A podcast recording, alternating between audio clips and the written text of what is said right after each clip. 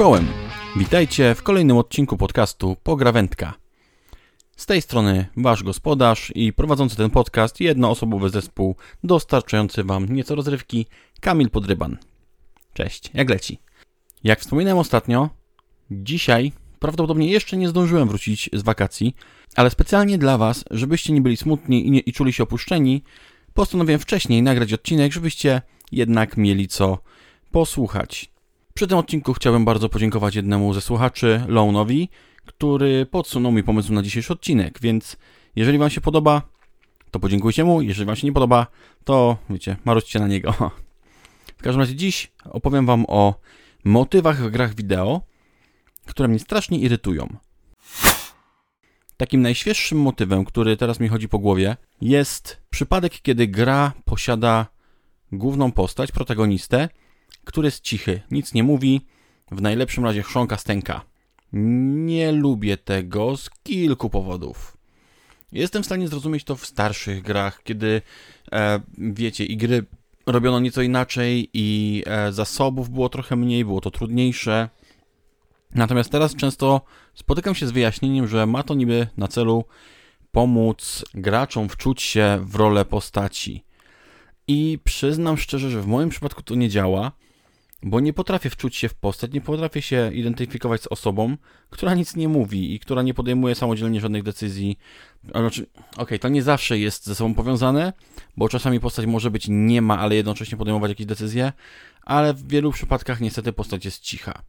Rzuciło się to w oczy ostatnio, czy w zasadzie wrzuciło mi się to w uszy ostatnio podczas ogrywania Exoprimal, gdzie właśnie nasza postać jest nie ma. I może nie byłoby z tym takiego dużego problemu, gdyby nie to, że na wszystkich cutscenkach postać po prostu gestykuluje i robi strasznie głupie miny, kiwa głową, macha rękoma, uśmiecha się, smutne miny strzela, nie mówiąc nic. Wszyscy dookoła niego nawijają, każdy ze sobą rozmawia. Nawet kilkukrotnie jest w dialogach nawiązanie, jakby nasza postać kiedyś coś komuś powiedziała, mimo że w grze ona nic nie mówi. I jeszcze bardziej rzuca się to w oczy przez to, że kiedy siadamy w jakiekolwiek egzokombinezony w tej grze, każdy z nich ma nagrane ścieżki dialogowe i każda z nich jest nagrana innym głosem. Więc albo nasza postać nie mówi, za to egzoszkielety sobie same mówią, albo nasza postać mówi tylko i wyłącznie w egzoszkieletach, a jej głos przechodzi przez jakiś e, modulator dźwięku, który zmienia ich głos.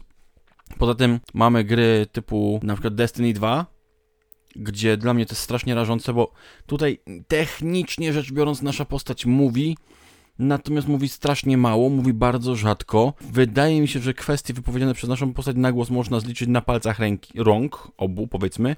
Dajmy sobie malutki margines błędu, ale tak naprawdę to i tak nie ma znaczenia, bo z nami w Destiny 2 jest ten Ghost, nasz kompanion, taki, wiecie, robocik, który lata nam koło głowy i on cały czas mówi, on cały czas nawija, on w naszym e, imieniu prowadzi rozmowy z innymi postaciami, on w naszym imieniu się za nas wypowiada, on podejmuje nasze decyzje. I jest to, nie, nie wiem, to jest bardzo dziwna decyzja dla mnie, nie wiem, czemu nasza postać nie może mówić, zwłaszcza, że w przypadku innych strażników, które spotykamy fabularnych w grze, oni mówią sami, ich ghosty, znaczy ich te, ich e, te latające robociki koło głów, nie wiem, czy coś mówią, a nawet jeżeli coś mówią, to nie mówią zdecydowanie tak dużo jak nasz ghost. Nie wiem, czemu to nasza postać nie mogłaby mówić, chociaż zgaduję, że chodzi o to, że łatwiej jest nagrać ghosta, który mówi wszystkie kwestie jednym głosem, niż mieć osobny głos dla kobiety i mężczyzny. Ale czy faktycznie o to chodzi? Nie wiem. Mówię, w starszych grach jeszcze to jakoś miało sens, tak, i się tak nie rzuca w oczy. W takim Dishonored, no gramy jako Corvo, który ma jakiś swój backstory, ma całą tą swoją historię, relacje z innymi postaciami i teoretycznie w trakcie rozmów z innymi postaciami my możemy wybierać jego opcje dialogowe i podejmować jakieś decyzje, więc po prostu nie ma użyczonego głosu, ale no dialogów nie ma nagranych i Jakoś mi to tak bardzo nie przeszkadzało, ale może to przez to, że to jest gra skradana, gdzie w zasadzie cisza jest spodziewana i nawet oczekiwana. A może to kwestia tego, że Dishonored wyszło 10 lat temu? Uj, więcej. Matko, ile ten czas zapierdala. W każdym razie, czasami da się to zrobić dobrze, czasami ma to sens, ale w niektórych przypadkach mnie to strasznie mierzi. I po prostu nie lubię. Wolę, jak nasza postać mówi. Drugim motywem jest sytuacja, kiedy gra zmusza nas do podjęcia jakiejś decyzji albo wymusza na nas jakieś posunięcia, teoretycznie dając nam wolną rękę, ale w praktyce nie. Żeby lepiej zobrazować ten punkt, pierwszym przykładem, który przyszedł mi do głowy, jak o tym pomyślałem, był stary Knights of the Old Republic 2. Jest tam scena, która zapadła mi strasznie w pamięci. Na jakiejś planecie podchodzi do naszej postaci żebrak i prosi o jakieś marne 5 kredytów. Jest duża szansa, że w momencie, e, kiedy jesteśmy na tym etapie, jesteśmy dosyć bogatymi ludźmi, więc 5 e, kredytów jest dla nas kwotą nieistotną, więc w naturalnym odruchu te 5 kredytów o sobie dałem. I nasza mentorka, nasza tutaj towarzyszka z drużyny Kreja, zaczęła na, ten, na, na podstawie tej decyzji całą moralną tyradę o tym, że bezinteresowne, e, dobre gesty też mogą być złe. I jest to zobrazowane przez jakby takie ujęcie z oboku, że ta postać dostała od nas te 5 kredytów i radośnie szła sobie uliczką i ktoś ją napadł i z tych 5 kredytów okradł. I to miało zobrazować teoretycznie, że nie możemy bezrefleksyjnie podejmować tylko i wyłącznie takich altruistycznych, pozytywnych decyzji, bo to też nie może, może nie być dobre. Gorzej było, kiedy zagrałem po raz drugi tę sekcję i wiedziałem, co się szykuje, więc odmówiłem tej osobie. Na co ona zaczęła błagać. Odmówiłem ponownie, robiąc z siebie naprawdę wrednego chujka. Ona już ze łzami w oczach, padała na kolana, błagała mnie, nie wiem, oczywiście to jest stara gra, tam pewnie silnik graficzny tego nie pokazywał, ale ja to pamiętam jako e, taką dramatyczną scenę, gdzie ktoś pada na kolana, łapie nas za krawędź koszulki, błagam człowieku, daj mi te jebane pięć kredytów, bo umrę z głodu. A ja stwierdziłem, nie, weź spierdalaj. No i ostatecznie wszystko po to, żeby nie usłyszeć tego moralnego kazania od Krei, tylko po to, żeby dostać opierdol za to, że takie bycie złym kujkiem też jest niefajne. Więc z jednej strony gra mi dała jakiś wybór, ale w sumie tak czy siak dostałem za to opierdol. Innym przypadkiem tego typu zachowania w Left 4 Dead pierwszym tego nie było. Był pewien etap, gdzie trzeba było przejść przez bodajże etap lotniska albo czegoś w tym stylu. W każdym razie były bramki z wykrywaczami metalu. Oczywiście nasze postaci nie są w tym momencie, to są jakieś pistolety, karabiny, siekiery, strzelby, nie pamiętam dokładnie już co. I nawet AI wie, że te bramki trzeba pominąć, bo jeżeli przez nie przejdziemy, wzywamy hordy nieumarłych. W Left 4 Dead 2, gdzie ta mapa została zremasterowana i wrzucona do tej części, design mapy został tak zmieniony, że no nie ma bata, trzeba przejść przez te bramki, nie da się zrobić tego inaczej. I może to nie jest dokładnie ten sam przykład, ale tutaj też jestem zmuszony zrobić coś głupiego, tylko po to, żeby coś się wydarzyło. Nieco mi to trąci takim, wiecie, brakiem fantazji u twórców. Podobnie było w Call of Duty Modern Warfare w misji takiej niesłynnej No Russian, gdzie misja polega na tym, że jako bodajże agent CIA dołączamy do rosyjskiej mafii, która dokonuje zamachu terrorystycznego i na lotnisku strzela do cywili. Przez całą misję jesteśmy z nimi. Nie musimy strzelać. Nie musimy oddać ani jednego strzału przez całą misję. Możemy, gra nas za to nie potępi, więc widzimy jak trzech terrorystów idzie przed siebie strzelając do cywili na lewo i prawo. My możemy, nie musimy, ale w żadnym momencie gry nie możemy strzelać do tych terrorystów. Jeżeli spróbujemy do nich strzelić, teraz nie pamiętam, czy po prostu nie, nie otrzymują obrażeń, czy misja się kończy niepowodzeniem z tego względu, że strzelamy do, do sojuszników, bo Call of często tak robiło. Nasza postać została wysłana do tego gangu po to, żeby powstrzymać potencjalne ataki terrorystyczne, takie jak ten. I my możemy w nim wziąć udział, możemy się mu bezczynnie przyglądać, aktywnie nie możemy zrobić z tym nic. No nie, nie jest to fajne, nie jest to sympatyczne, jest to wręcz po prostu głupie i nachalne.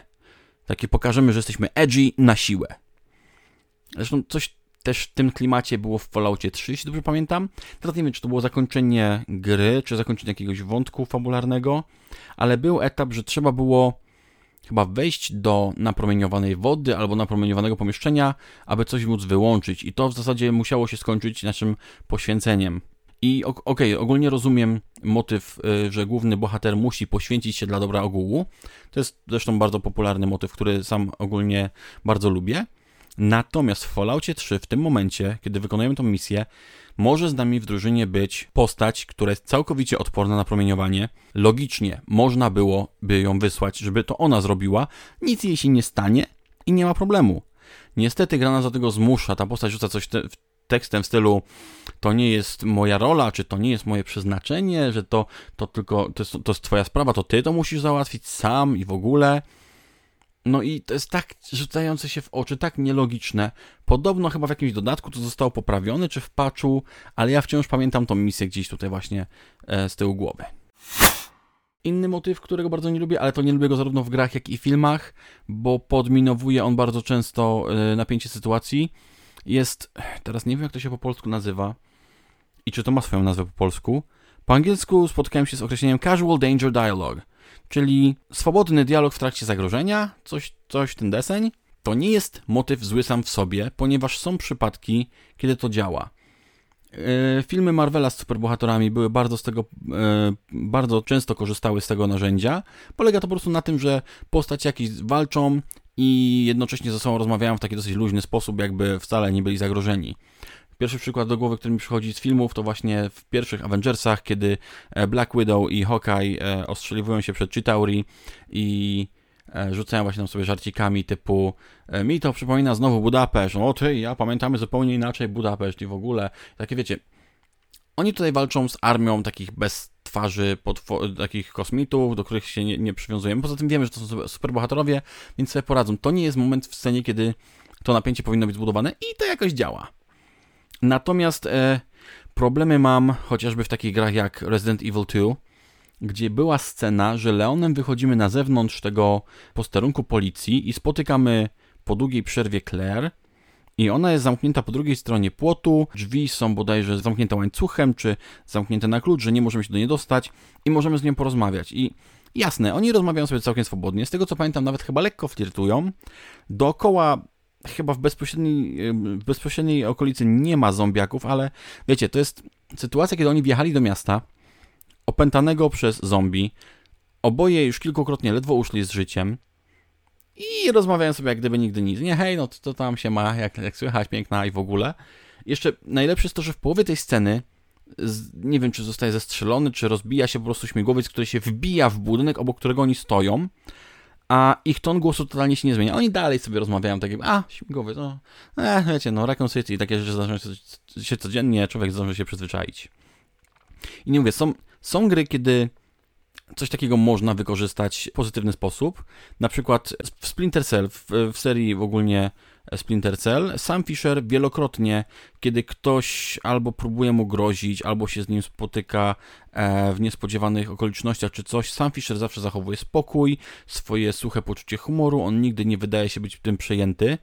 Ale tutaj to mam wrażenie podkreśla bardziej ten status jego jako takiego weterana, człowieka, który w swoim życiu już widział wszystko, który brał udział w niejednej walce, w niejednej wojnie, wyszedł cało z niejednej opresji, więc na nim takie zagrożenie już nie robi wrażenia. Leon w Resident Evil 2 jest nowicjuszem, który miał zacząć swój pierwszy dzień w pracy, pracy w policji, więc no tu jest nieco ta różnica tego doświadczenia. Zresztą Mass Effect, jedna z moich ulubionych, ukochańszych serii e, w historii gamingu, nagminnie wykorzystuje ten motyw, co w większości przypadków mi się bardzo nie podobało. Owszem, te teksty często bywają zabawne, tak jak kiedy w trakcie walki Mordin Solus zaczyna się zastanawiać, czy powinien powiedzieć, że ktoś jest łatwopalny, czy niełatwopalny, po angielsku flammable, inflammable. Żart polega na tym, że zależnie od kontekstu oba te słowa mogą znaczyć jedno i drugie. I okej, okay, sam tekst jest zabawny, natomiast wiecie, kiedy ktoś jest pod ostrzałem, i w Mass Effectie to nie, rzadko są sytuacje, kiedy to jest wyrównana walka, kiedy nic się nie dzieje poważnego. I jak sobie osoby tak ze sobą rozmawiają, żartują, to to trochę podminowuje to napięcie, no bo jak ja mam się martwić o to, czy mi się uda przeżyć, skoro bohaterowie się tym nie martwią? To czemu mam ja? Nieco inny efekt tego jest też w Mass Effectie w DLC Citadel, ale tutaj ogólnie, po pierwsze, cały ten dodatek ma dużo lżejszą atmosferę niż cała reszta gry, a nawet w zasadzie serii. Po drugie, pokazuje to co, podobną rzecz, co w przypadku sama Fischera, że ekipa już jest doświadczona i oni walczą w zasadzie od kilku lat z całym kosmosem i sobie z, tego, z tym radzą, wychodzą z tego zawsze cało.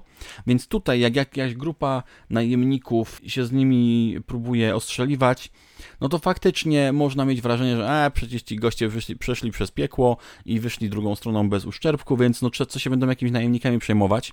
I ze względu na ton, który ma ten dodatek, Citadel, to pasuje. W innych misjach, no nie leżało mi to za cholerę.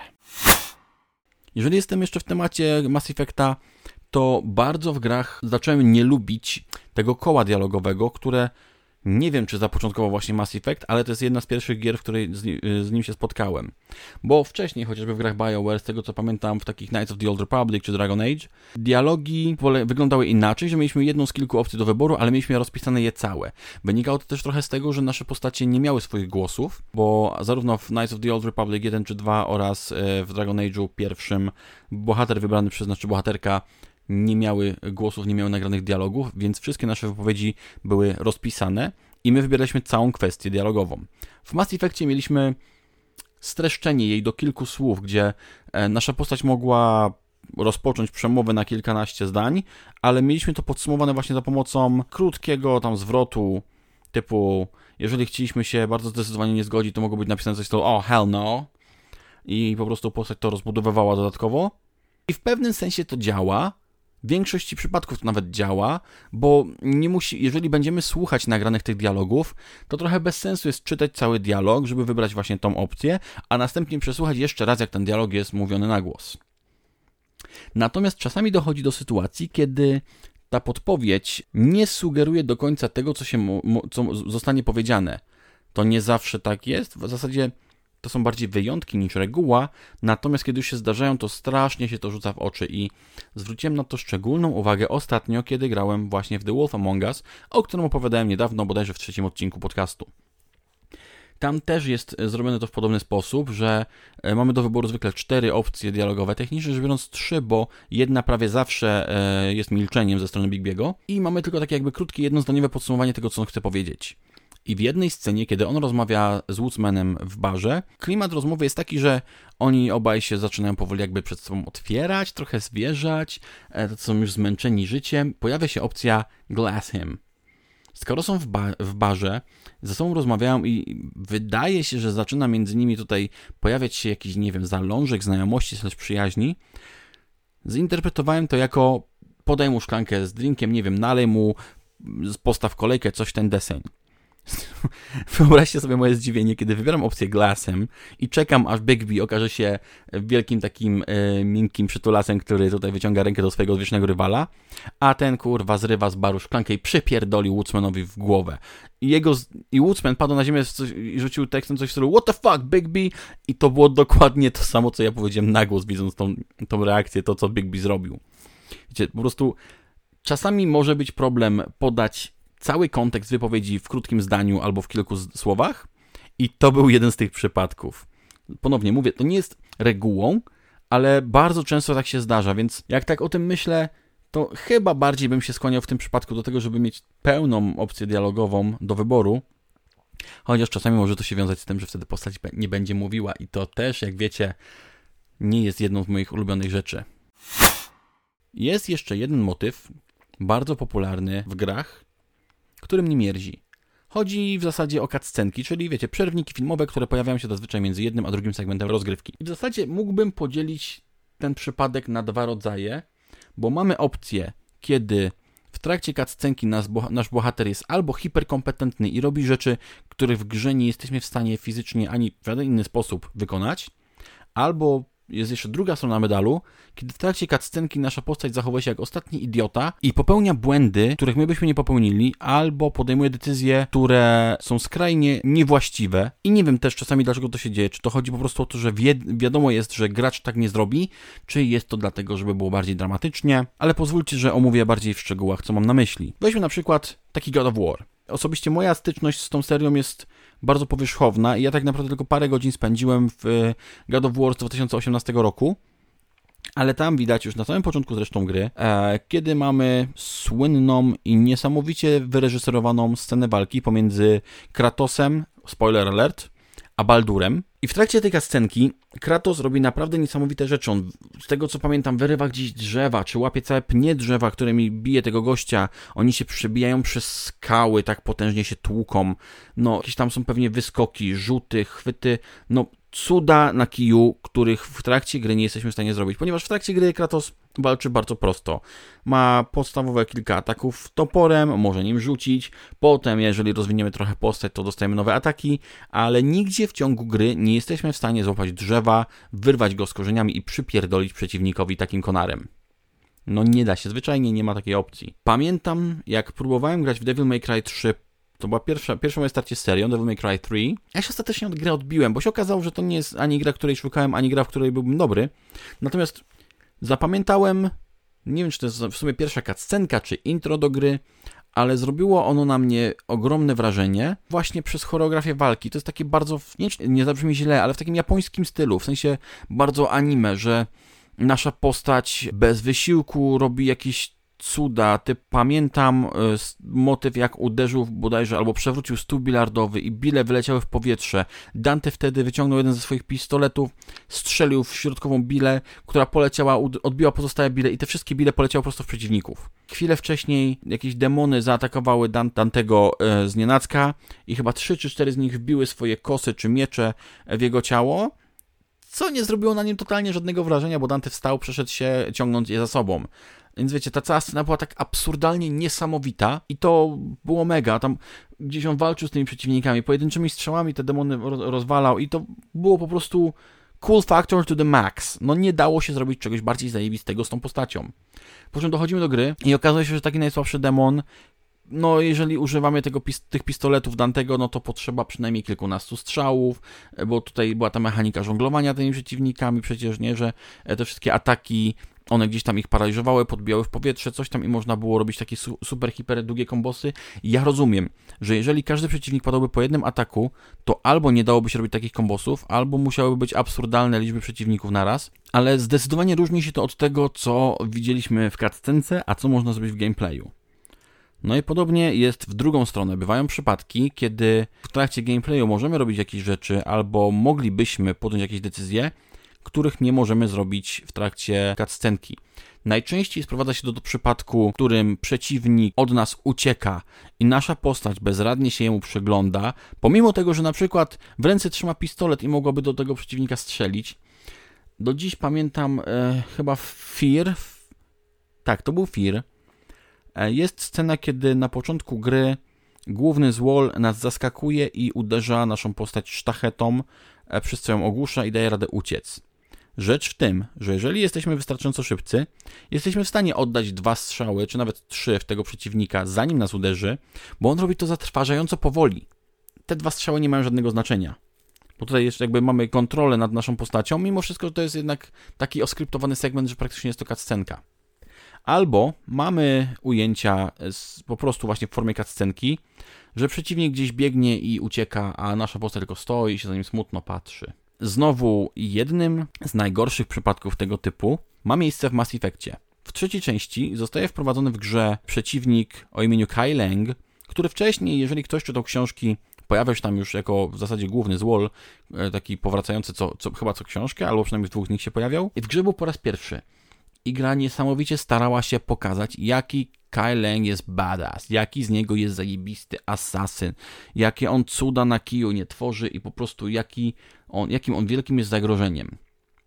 Problem był taki, że kiedy z nim walczyliśmy w trakcie gry, w trakcie gameplayu, on był żałośnie kiepski. Na sesji, kiedy musieliśmy z nim walczyć, walka polegała na tym, że my do niego strzelaliśmy i jak już mu spadało HP, on się chował, żeby zregenerować swoje osłony, i wzywał gunship, czyli taki odpowiednik śmigłowca futurystycznego, który do, do nas musiał strzelać, żebyśmy my wtedy z kolei się schowali. Przez całą walkę mogliśmy zamiatać podłogę Kailengiem bez problemu. Natomiast kiedy już dojechaliśmy go do odpowiedniego, odpowiednio niskiego poziomu zdrowia, odpalała się cutscenka, której Kaileng robił z nas idiotów. Nie pamiętam dokładnie już jak to zaszło, ale Zrobił w każdym razie coś strasznie głupiego, że okazało się, że nasze postacie są bezradne, a on jest taki super i ho ho ho i teraz ma to, co, po co przyszedł i ucieka, a my nic mu nie możemy zrobić. Zresztą z tym samym Kailengiem jest identy identyczny problem jakiś czas później. Tutaj uwaga, spoilery, natomiast Mass Effect 3 to gra z 2012 roku, minęło 11 lat, mieliście czas to nadrobić, ale uprzedzam lojalnie, tu będzie ważny spoiler. Scena, w której umiera Thane. To jest ogólnie przy pierwszym oglądaniu byłem zachwycony tą sceną, bo choreografia walki jest bardzo atrakcyjna. Natomiast Mass Effect ma ten problem, że ja skończyłem go z 12 razy. Ja tą scenę oglądałem na wiele sposobów, w różnych konfiguracjach, z różnymi e, umiejętnościami mojej postaci, etc. Więc zwróciłem uwagę na takie głupotki typu Thane jest słynnym, no, słynnym to może złe słowo, ale jest zabójcą, niesamowicie skutecznym, który w grze, kiedy go pierwszy raz widzimy, pojawia się z nienacka i jest w stanie w ułamku sekundy rozprawić się z czterema przeciwnikami, bo zaszedł ich z nienacka, zaskoczył, jednemu skręcił kark, drugiego, nie wiem, tam chyba dźgnął, trzeciego zastrzelił, pach, pach, pach. Dwie sekundy, pozamiatane. Kai Leng też teoretycznie jest zabójcą. W momencie, kiedy rozpoczyna się ta scena, to na, nasz komandor Shepard właśnie próbuje uniemożliwić Kailengowi zabicie jednego z ważnych ludzi Cytadeli i kiedy Kaileng już, już ma to zrobić, pojawia się Thane. Czy zaatakował Kailenga z nienacka? Można tak powiedzieć. Czy zaatakował go od razu, skręcił mu kark? Nie wiem, strzelił mu w tył głowy, wbił nóż w plecy?